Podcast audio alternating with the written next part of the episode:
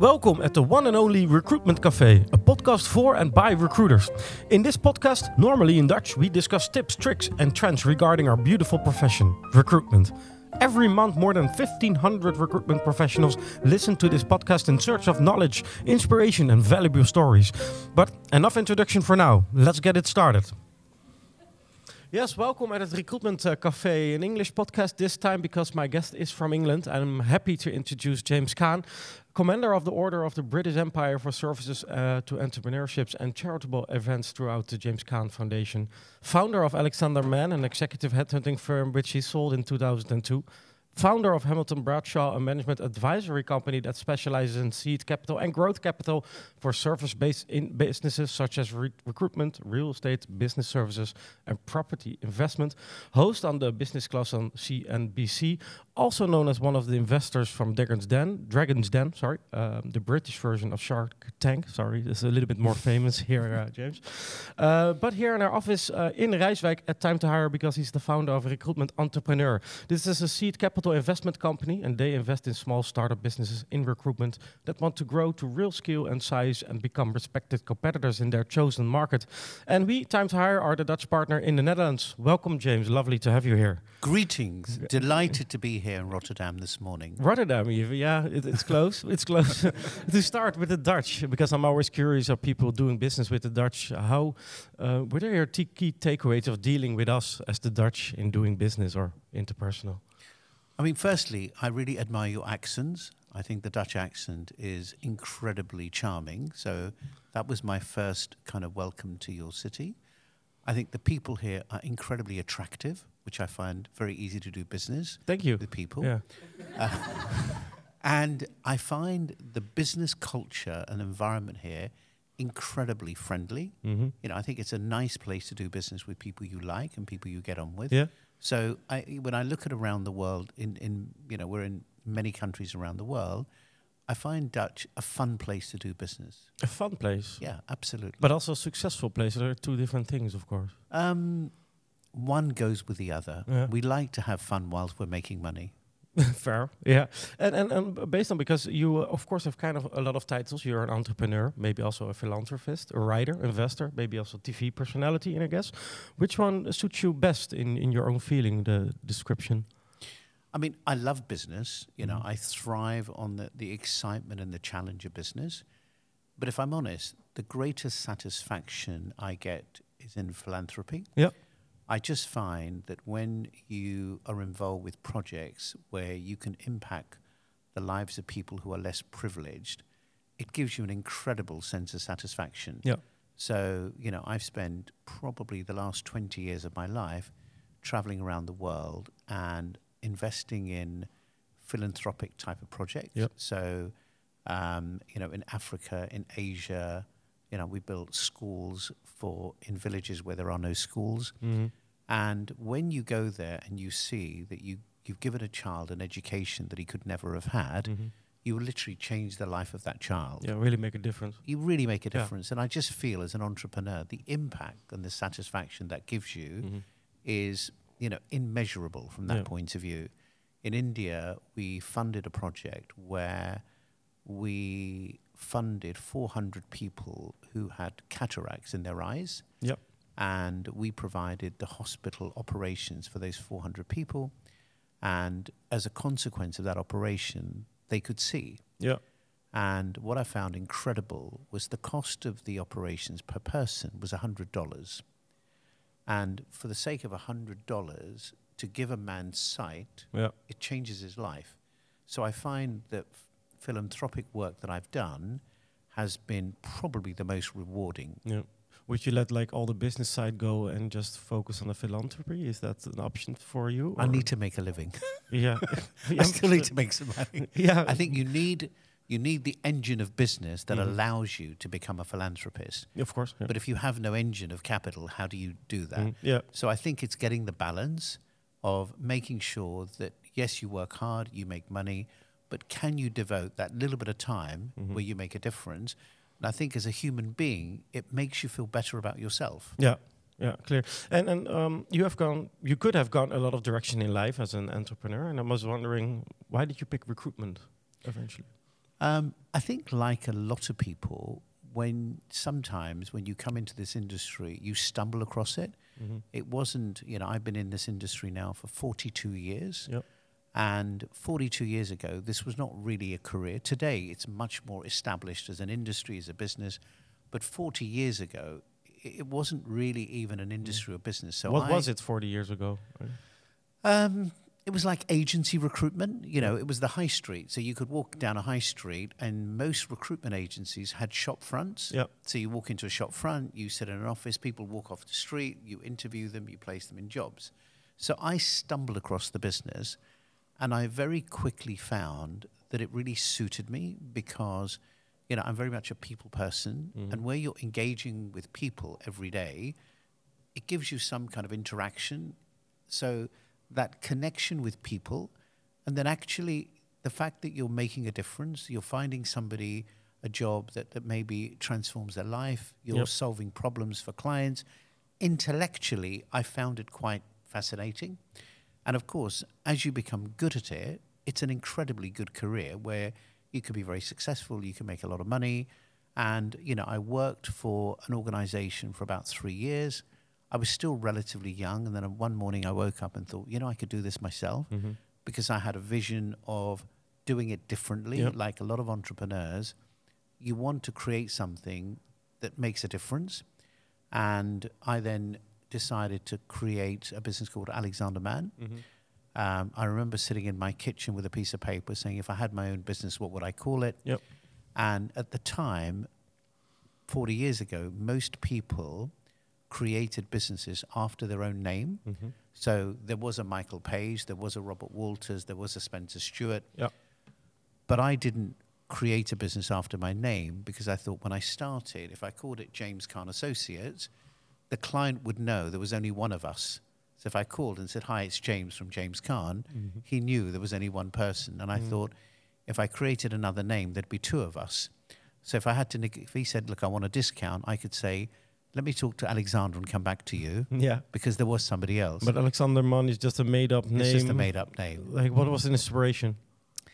I Who- like who's the- the Alexander and who's the. Alexander is the great. You know. I think Alexander has presence. It has power. Yep. It sounds quite. Yeah. Impre- it's very Greek. British. Greek strong. Yeah. Yeah. So I like the name, and then I decided if you have a very long first name, the Mhm. following name should be shorter. Yeah. So Alexander Mann, and then we called it Associate. So if you had to abbreviate it, it was AMA. Yeah.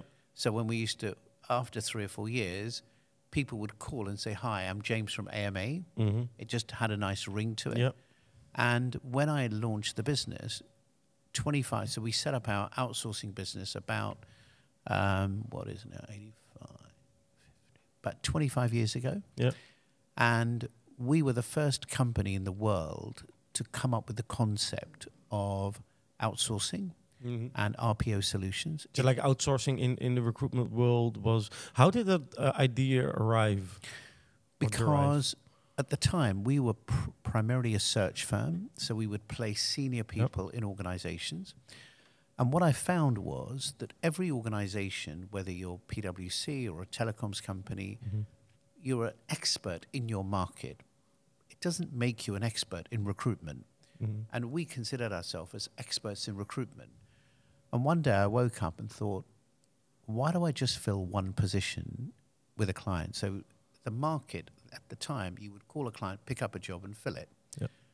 But then they would deal with you today and somebody else tomorrow, etc. But if I Mhm. placed the CEO and I have a relationship with him, why can't I convince him to let me manage that recruitment function? Yeah. But nobody had ever done it before. Nobody had ever considered that concept. So we were the first person in the world that were able to sign a client where the client said, You will manage my entire talent solutions. Yeah. And it was because it was new, because nobody had ever done it, it was a really tough sell because you had to educate the market because they'd never come across the Mm. idea. What were your selling points towards that client in that meeting?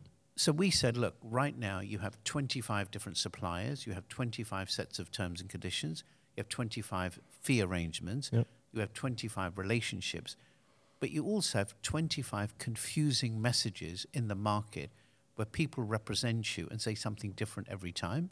You have no real relationships. No They control over the no messages control. they send. Yeah. Whereas if you deal with us, you Yeah. have one organization who represents you. Because we work within your organization, we know your culture, we know your style, your approach, the kind of people you want, because we're your partners. We're not a supplier, we're a partner. So our, our sell was a bit more sophisticated, Yep. even though, because they'd never done it before, it was quite difficult. So getting your first one is always going to be the hardest. Once we had the first client and we could prove the concept, we then had something to mm-hmm. sell. Yeah. So, you know, starting from my kitchen table, coming up with the name, coming up with the identity, today, Alexander Mann Solutions is the world's most successful talent solutions company. Mhm. Today, it operates in 22 countries, has 8,000 employees, will do 1.6 billion in fee income. Mhm. There is no other organization in the world that has achieved that level of success or recognition. So it's quite exciting for me looking back Yeah. From an idea with a piece of paper to come up with a name. And today, that business has become probably the most respected brand in the world. It's quite Yeah. an incredible feeling. What was the first client on the RPO? Fujitsu. Fujitsu. Yeah. Okay. Still, still around. Um, uh, what what makes an RPO a good RPO? Ultimately, it is the quality of your delivery. Mhm. You are only as good as the delivery that you provide a client. If you can deliver the service at a high quality level, number one, you will always get renewed. So you may sign up a client for two years, but you can have that same client for 10 years. It all comes down to the quality of your delivery. So as long as you have a high quality team working for you that understands the importance of quality and delivery, because when we used to sign up a client and it was a two year contract, six months into the contract, we were already thinking about what's going to happen on renewal. Yep. So we were already thinking about we want to extend or renew. People, a lot of people sign a two year contract and three months before they start panicking about the renewal. Mhm. We were thinking about that 18 months and saying, what do we have to do to ensure we get renewed? Yeah. For you, is um, a minimum length of a contract for an RPO at least two years to make an impact? I think in the beginning, when we started, it was two year contracts. Yep. We then evolved to three year contracts. Today, they're five year contracts. Oh, that's that's uh, nice. Oh, that's uh, something we have to work on still, I guess, Mhm. at some point. Um, I want to have a quick talk about the future of recruitment. I mean, we're living in a rapid changing world. A lot of people going into retirement, at least in Western Europe. Uh, less people are being born. It's a challenging demographics uh, combined with rapid advancements regarding AI. So, what's a little bit the, the role of and the function of recruitment in this changing world, in your opinion? I think I think you're absolutely right.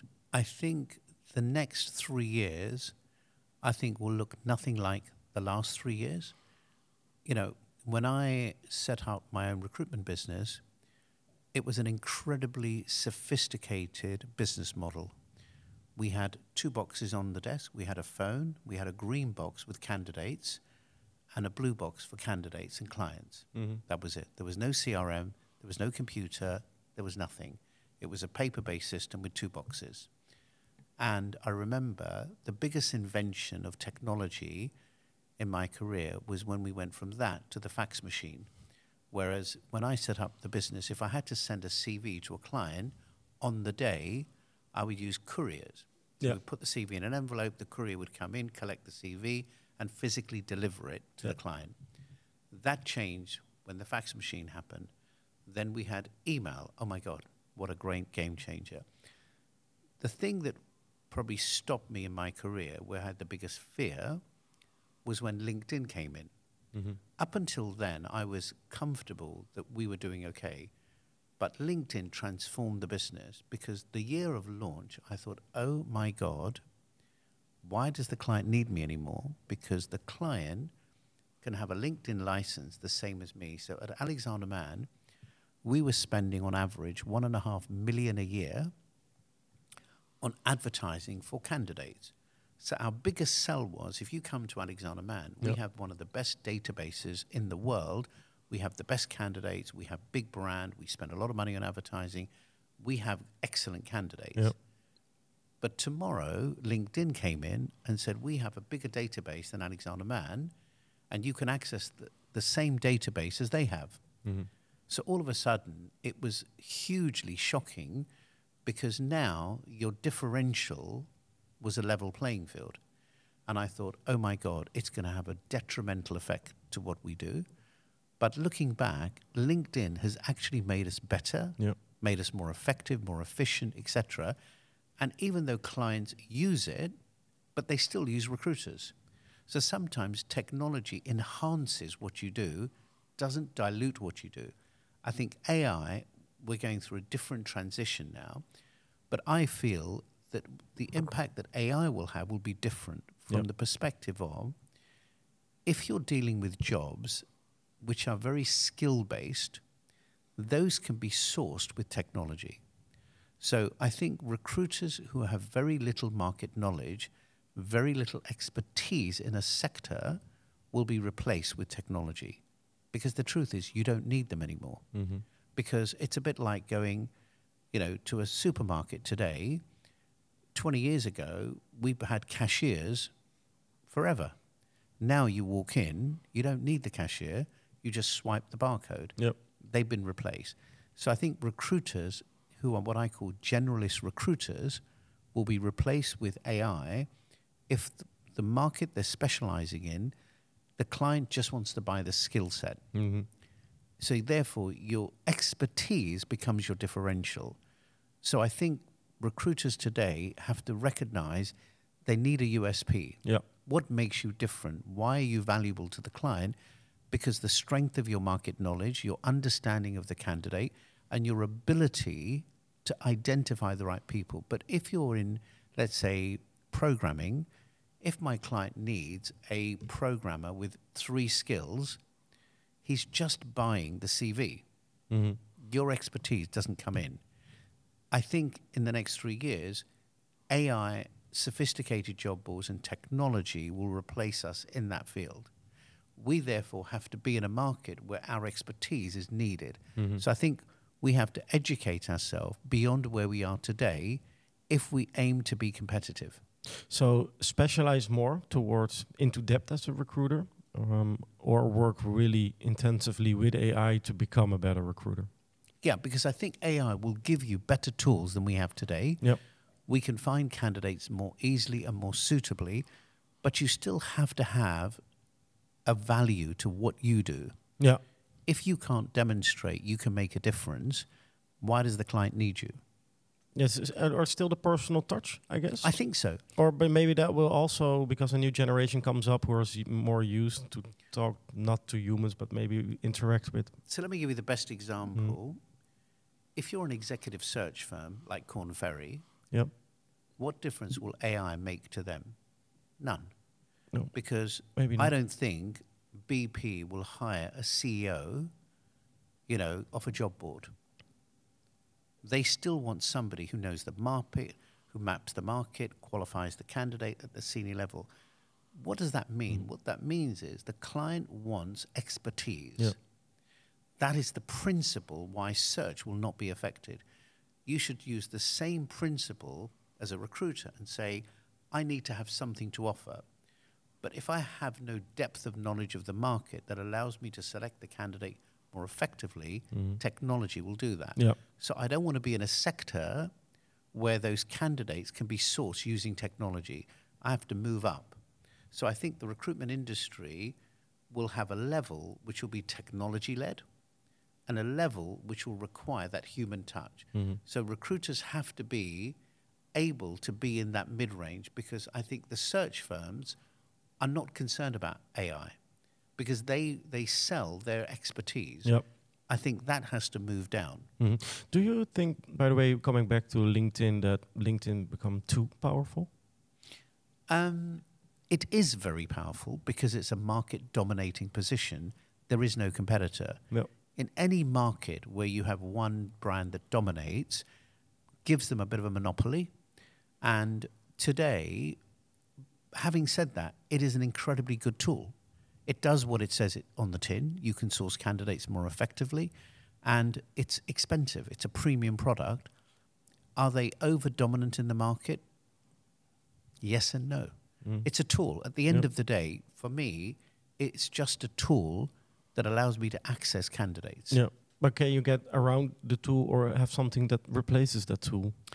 Um, I think you can by developing your own database, because remember, the more niche you are, Mm-hmm. the more narrow the market is, Check. and you can have your own database of candidates in a very niche Yeah, market. For a niche, but not for a spe- uh, for uh, like more uh, broader No. kind of way. That's that you can't have a database big enough. No, no, sure. Um, let's make um, the, the, the step also to time to hire an, a recruitment entrepreneur.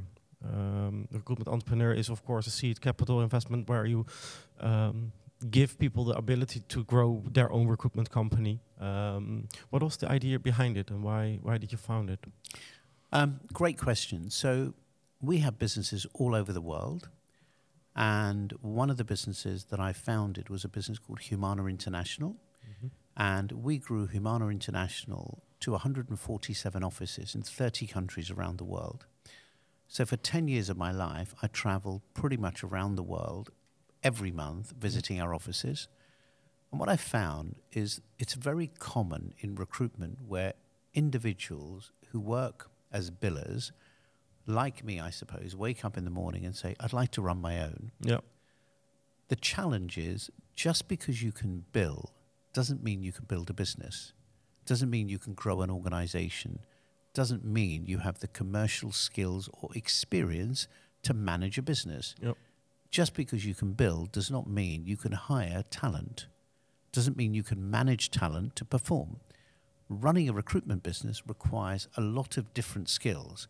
And over the years, I've learned that just because I could build doesn't mean I have all of those skills.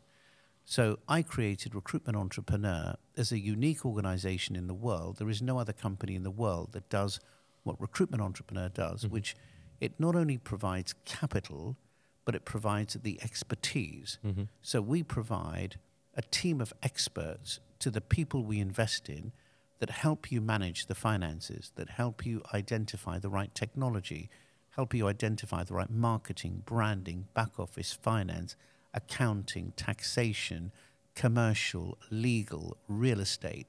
So, as a founder, all of the experience that you've lacked in business, Recruitment Entrepreneur provides. Yeah. So, we give you what I call that full suite of capital and expertise that help you as a founder build that business. Like a, a box of building blocks, which you eventually have to build yourself, of course, but you get the blocks and the f- from. we only not only give you the blocks, we also give you the people and the expertise to help you execute.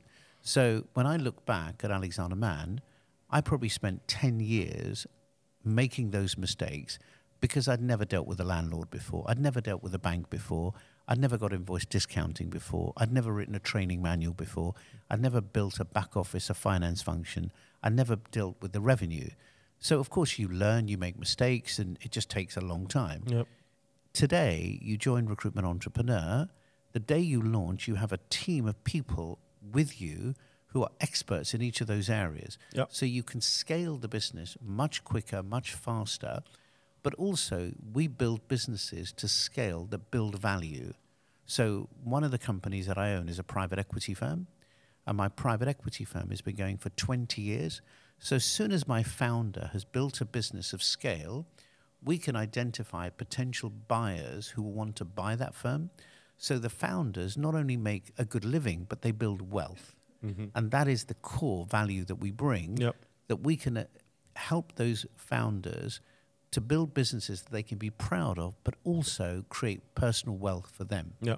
And if you look at um, building recruitment businesses, um, what is the kind of the best learning derived from maybe a failure from your side that you can give as a takeaway immediately?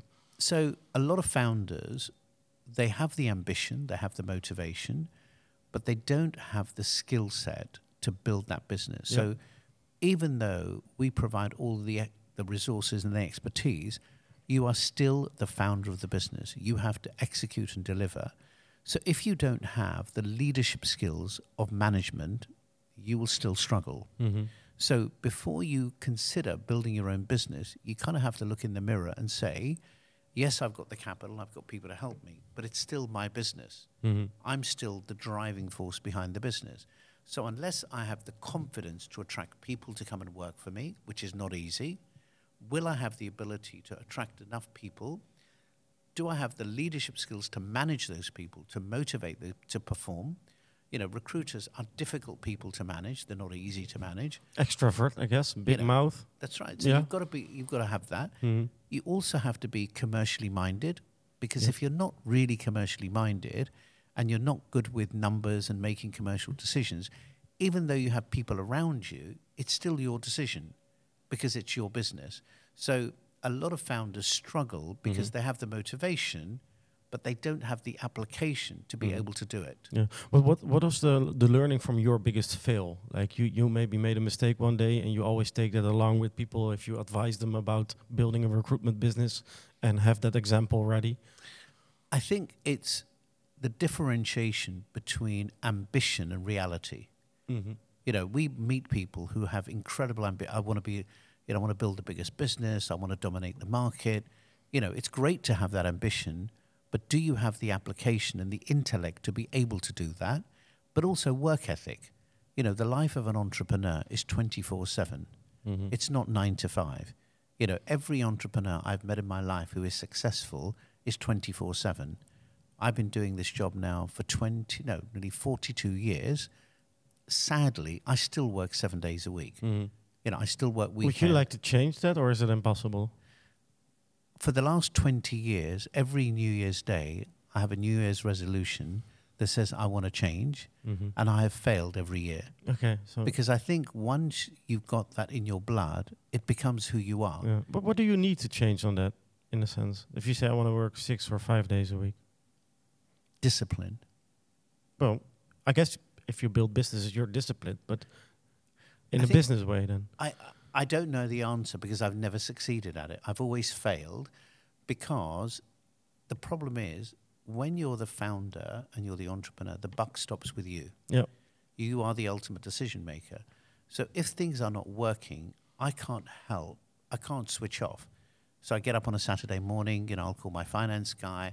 I'll be looking at the numbers. I'll be thinking about what do I need to do next week. Mm-hmm. I can't stop doing that. You know, so to this day, the one thing you learn in business, if anything can go wrong, it generally does. It's Murphy's law. Yeah. So you can't, for me, you know, I, I can't help myself. You know, even if I'm on holiday, I'm still working.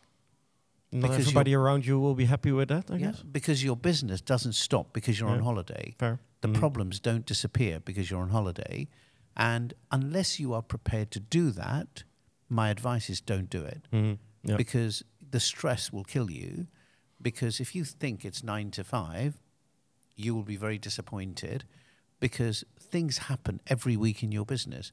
As the founder, you are accountable and responsible for those issues. You can't stop them at six o'clock. No, fair. What is uh, what kind of attracted you to Time to Hire to become the partner of recruitment entrepreneur here in the Netherlands? I think Time to Hire is a very innovative organization. It's creative in the way that it thinks, is innovative in the way it delivers. It understands the recruitment market extremely well. To be able to do what Time to Hire has done in this market is quite unique.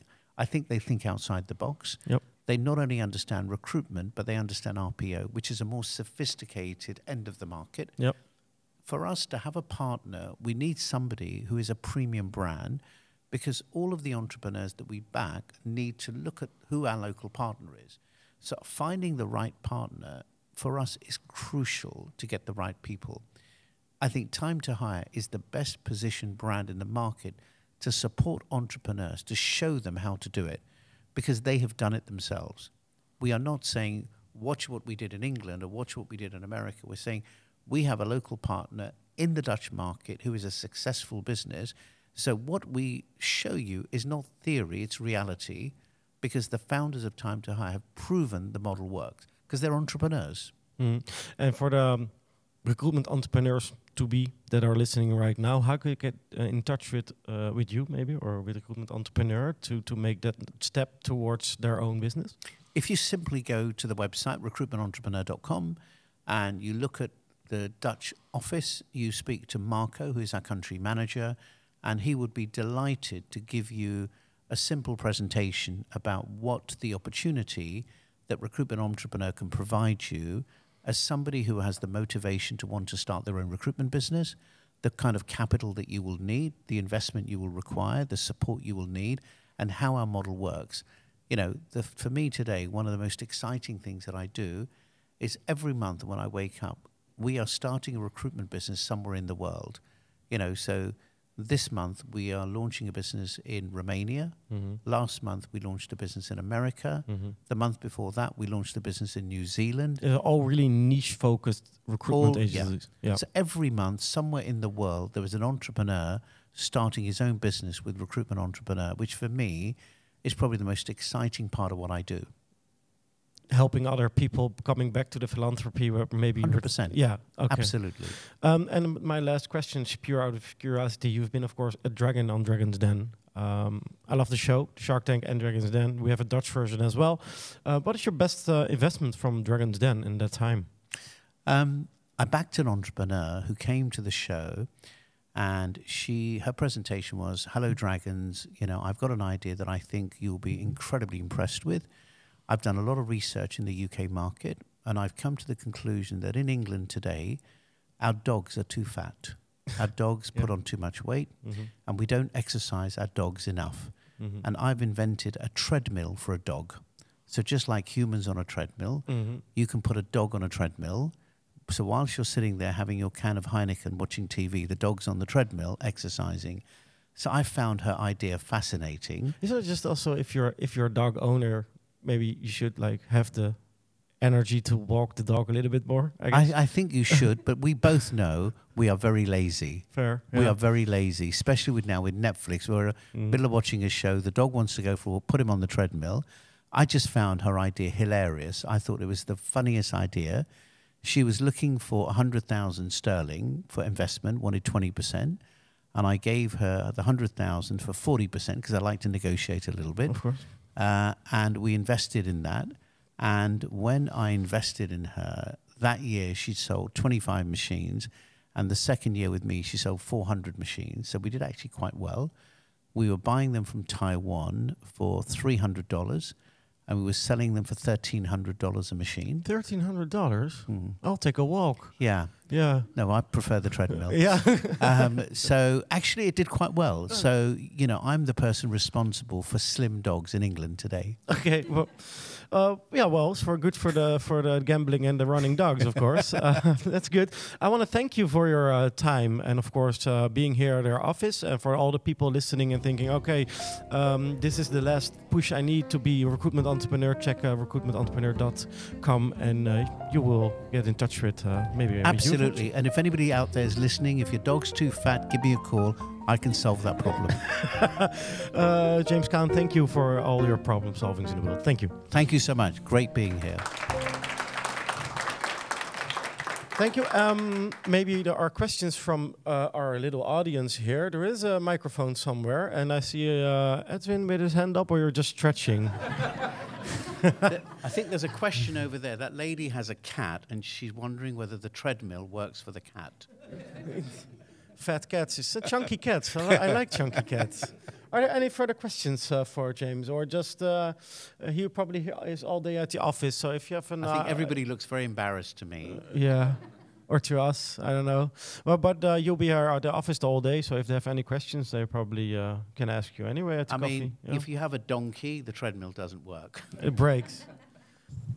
So, uh, James, you've seen a lot of uh, entrepreneurs in recruitment over the past few years, Just a few. just a few. And uh, I, I'm not sure about the, the British market, but in the Dutch market, I think the recruitment business, the, there are a lot of entrepreneurs in this area. Uh, so you could say that the, the market is maybe a little bit saturated, but that doesn't mean there are uh, no chances for entrepreneurs to still thrive in this market.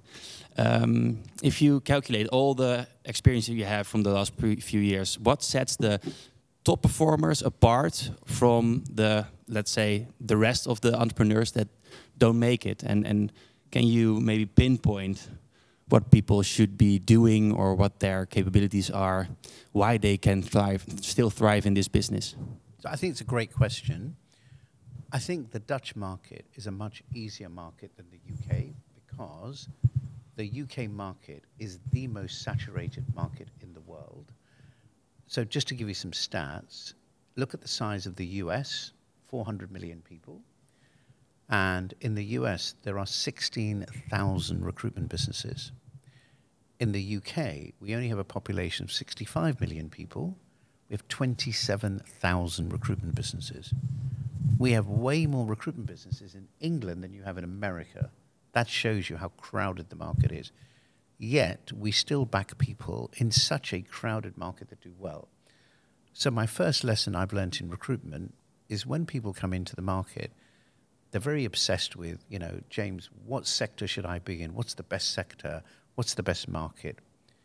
In recruitment, it is not markets, geography, or sectors that succeed, it is people. Recruitment is a purely people based business. You can be in the most crowded market in the world. If you are the right individual, you will still make it. So, if I gave you an example, right now I would say technology as a sector is one of the toughest markets because the tech sector has gone through a complete slowdown. A lot of the big tech firms are laying people off. It's a tough market to be in. Right now, in the last nine months, we have a consultant who's billed 1.2 million in that market. So, is it the market or is it the person? So, when I look around, so one of the people I backed uh, in Recruitment Entrepreneur, uh, a lady who's in graduate recruitment, and when she came to me and said, Look, I want an investment, I really liked her. I thought she was amazing. I said, What sector are you going to be in? She said, Graduate recruitment. I was like, Oh my God. Low level, low fees, a lot of volume, a lot of hard work for very little money. And I said, I would love to back you, but I'd be more happy if you switch markets. She said, I don't want to switch markets because I don't know any other market. I've only ever done graduate recruitment. So I sat on the fence, humming and hawing, and then eventually I decided to go back to my roots and said, what do I actually do? Do I back people or do I back markets? I back people. So we backed her in recruitment, and she set up a business called Venatrix, which is a graduate recruitment business. Last year, she was one of the top performers in the portfolio. So despite the market, despite low fees, etc., because she's passionate, she's driven, she's committed, she has tremendous belief in what she does, she still did incredibly well. So I think when we get it right, it's never the market, it's never the country, it's because we back the right person. Thank you very much. Other questions? Milan. Uh, just quick one. I heard you're not really fond of the rec to rec market. What's the reason for that? Um, the rec to rec market, I pioneered that market 30 years ago. So I was the first person in the world who charged a fee to place a recruitment consultant. So we started that in 1987. So imagine the first person to call a recruitment agency to say, I want to place a recruitment consultant with you and charge a fee. And their response was the second word is off. I don't know if you're familiar with that term. Yeah. And they said, why would we want to use somebody to do what we're supposed to be experts? It was a really tough market.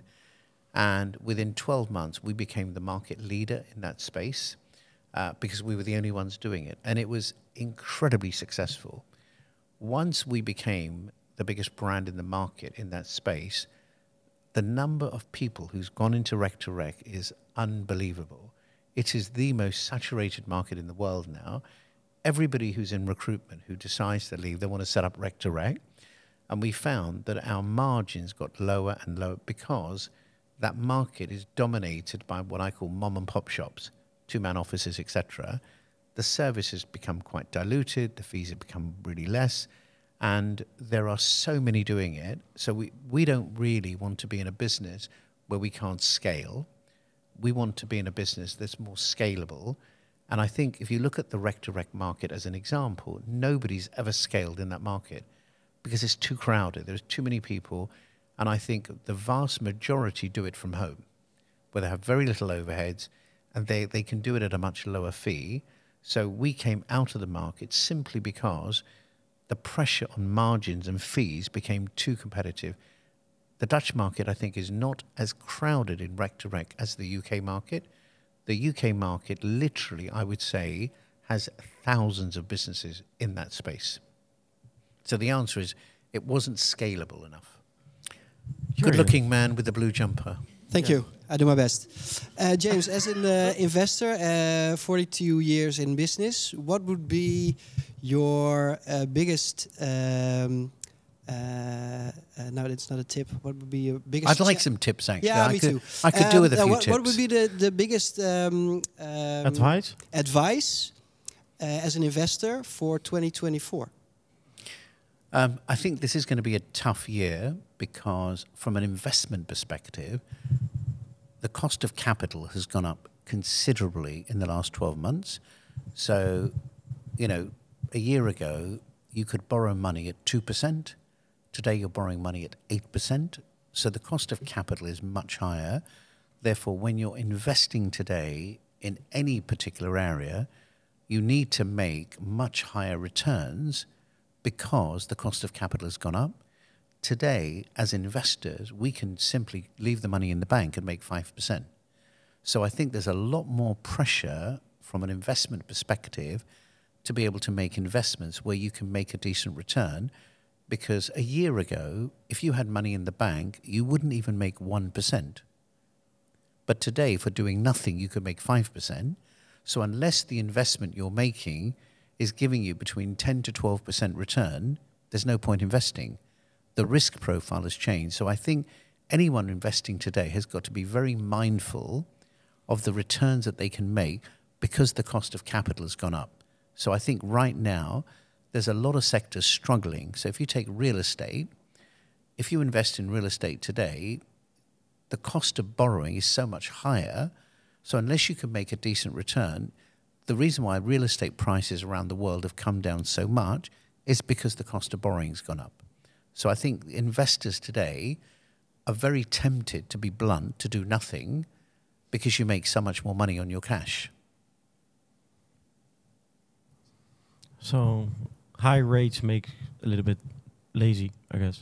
I think when it's not worth it. Yeah, because if you can sit at home, do nothing, and make five percent, why would you invest in something that makes seven percent? hmm Because at seven percent, you take a risk. If it doesn't work, you lose your money. So right now, there's a huge amount of capital doing nothing because the risk and reward doesn't work. This year, as we know, interest rates will come down. So base rates, I think, will drop. Probably, you know, I think they're roughly between across in the UK they're four and a half, Europe probably four. I think they'll drop to two and a half to three. So we need interest rates to come down in order to make investments. So if you look at private equity, venture capital, the money's dried up because people are not prepared to invest in venture capital, private equity, because they can make a reasonable return for doing nothing. Check. Maybe a bit a personal question, but you achieved a lot already. Uh, is there still something on your business bucket list? Um, I, I suppose my biggest passion today is recruitment entrepreneur. I find that the most rewarding thing that I do. I think working with young entrepreneurs that you know the James Caan of 40 years ago, you know, who want who have that ambition, who want to build a business, who want to create a name, create a legacy, something they're proud of, giving people that opportunity and watching that success is like watching a flower blossom. It's like watching an acorn coming together. Nothing gives me more pleasure than investing in somebody and watching them grow just like I did. And I think the fact that we're doing it around the world, you know, so every, last week I was in Romania, the week before that I was in America. So just traveling the world, meeting really smart people, ambitious people, and giving them the opportunity that I had many years ago and watching that success for me is probably the most rewarding thing that I've done. So right now, recruitment entrepreneur pretty much takes up most of my time. So what what is the dot on the horizon when when you are satisfied with the recruitment entrepreneur and you say, okay, we're there. I mean, you know, when I set up Alexander Mann, my my passion or my ambition was to create a brand that I could be proud of. Mm-hmm. And today, it is the most successful and most respected brand in the world. I want Recruitment Entrepreneur to be the number one brand globally. So if you're in recruitment and you want to set up a business, there is only one brand you would go to, which is Recruitment Entrepreneur. Top of mind. It's got to be mm-hmm. number one because otherwise, for me, you know, I don't want a, a boutique. I want something that, that, that stands for something. And I think Recruitment Entrepreneur, even today, there is no other company in the world that does what we do. There are venture capital firms that just invest, but nobody provides the quality of resources that we do as well as capital. And because we have offices all over the world, I know the market and I know the competition. Every entrepreneur that we meet tells me you're the only ones that do what recruitment entrepreneur do. So I think, you know, in the next five years, you know, I imagine we'll have probably 500 businesses around the world. We'll become the largest investor. We'll have more brands than anyone else in the world. And we will become the go to brand in the market. Small ambition. Small ambitions. Small, very small, small. steps. Small Easy. steps. Thank you. Any A other walk questions? in the park. Not sure which park. Morning. Bernice. Morning, greetings. Greetings. Um, looking back, what was the biggest mistake you've made? Why? And how can we learn from it? Um, we don't have enough time on this podcast because I've made so many mistakes. I don't know where to start. The one thing that every entrepreneur, I think when I look back, what is the biggest lesson I've learned is that you shouldn't be afraid to make mistakes. I think the biggest drawback of us as humans, as entrepreneurs, is either we don't want to take a risk because we're afraid to get it wrong. When I look back, the day I realize that failure is part of the journey of success, you could only be successful if you make mistakes. If you look at your life, the greatest learnings you have is from your mistakes. We seem not to learn when we get things right. When something works, we take it for granted. When something goes wrong, we take a step back and we evaluate. So I realized that rather than fearing failure, I need to embrace failure. I need to accept the fact that we will make mistakes. And I need to recognize that every mistake is a learning curve. Whereas most entrepreneurs I meet, they're afraid to make mistakes. And when they make mistakes, they, they look at it as failure. To me, is not failure, it's development. I think that for me was my biggest turning point, recognizing that I need to embrace failure. But I think in society generally, we frown upon somebody failing or making mistakes. I think we should reverse it and say, so for example, I was with a venture capital firm in America two weeks ago, and he was telling me that when they meet an entrepreneur, if he's never failed, they don't invest in him. So it's actually a criteria of their investment because they say, we don't want him to fail with us. So if he's failed once before, he's learned from that, therefore he will be better. So they actually, it's a condition of their investment. Whereas society generally would frown upon that and say, but you got that wrong. So actually, for me, the answer is recognize as a learning curve of that failure is part of it, not in spite of.